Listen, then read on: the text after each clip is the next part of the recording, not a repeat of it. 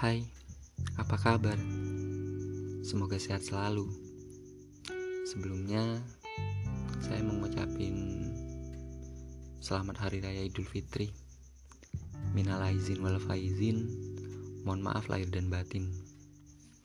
E, di sini saya akan melanjutkan cerita saya di episode sebelumnya, yaitu beda agama. Beda agama episode 3 ini mungkin bakalan jadi penutup kisah perjalanan cinta orang yang saya maksud. Karena kalau diceritakan terus-menerus, tidak akan ada habis-habisnya, dan entah kapan selesainya.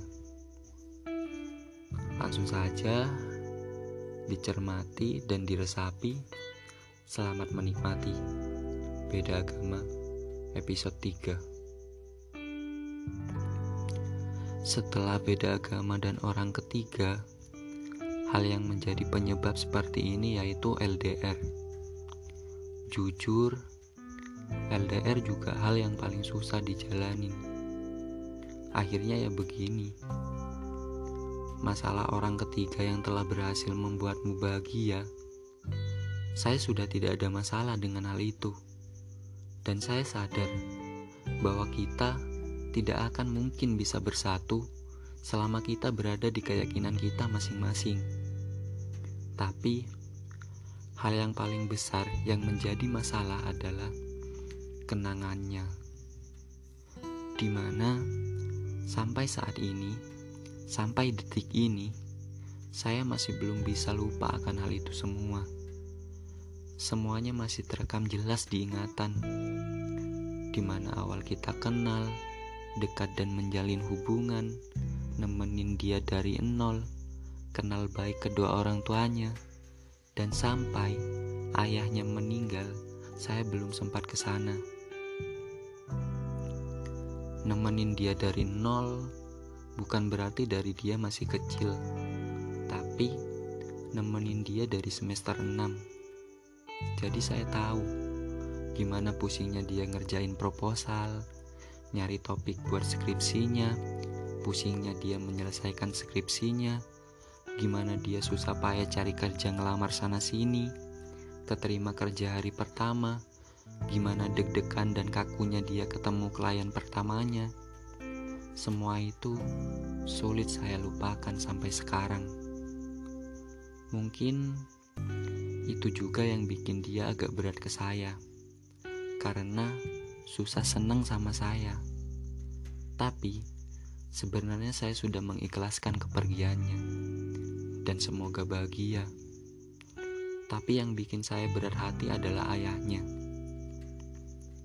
Ayahnya orang paling baik yang pernah saya temui. Dari kecil, saya seperti kehilangan sosok ayah yang baik di keluarga.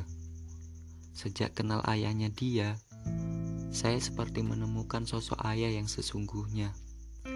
Meski saya dekat dengan anaknya, tidak pernah ada ajakan untuk memeluk agamanya. Bahkan waktu itu, ayahnya pernah menangis sepanjang jalan menuju tempat kerjanya. Hanya karena saya kasih kejutan di hari ulang tahunnya. Padahal, saya cuma ngerayain ulang tahun ayahnya kecil-kecilan dengan teman-teman S2 saya dengan kuis adanya. Kemudian saya kirim foto-fotonya. Dan malamnya, ayahnya telepon saya. Cerita kalau sepanjang jalan menuju tempat kerjanya, beliau menangis dan berkata, "Kok masih ada malaikat yang baik ke Bapak?" Ternyata hal sederhana yang saya lakuin diapresiasi sepenuhnya. Mungkin bagi kalian kesannya alay atau lebay, tapi itu menjadi kenangan paling indah dari ayahnya sebelum beliau wafat. Dan sekarang, saya masih ingin menyempatkan diri untuk datang ke rumahnya. Bukan bermaksud untuk mengingat kembali kenangannya, akan tetapi hanya ingin bersua, berdoa, dan menabur bunga di makamnya dan beliau akan menjadi sosok yang paling berkesan selama saya menjalani hubungan dengan anaknya. thank you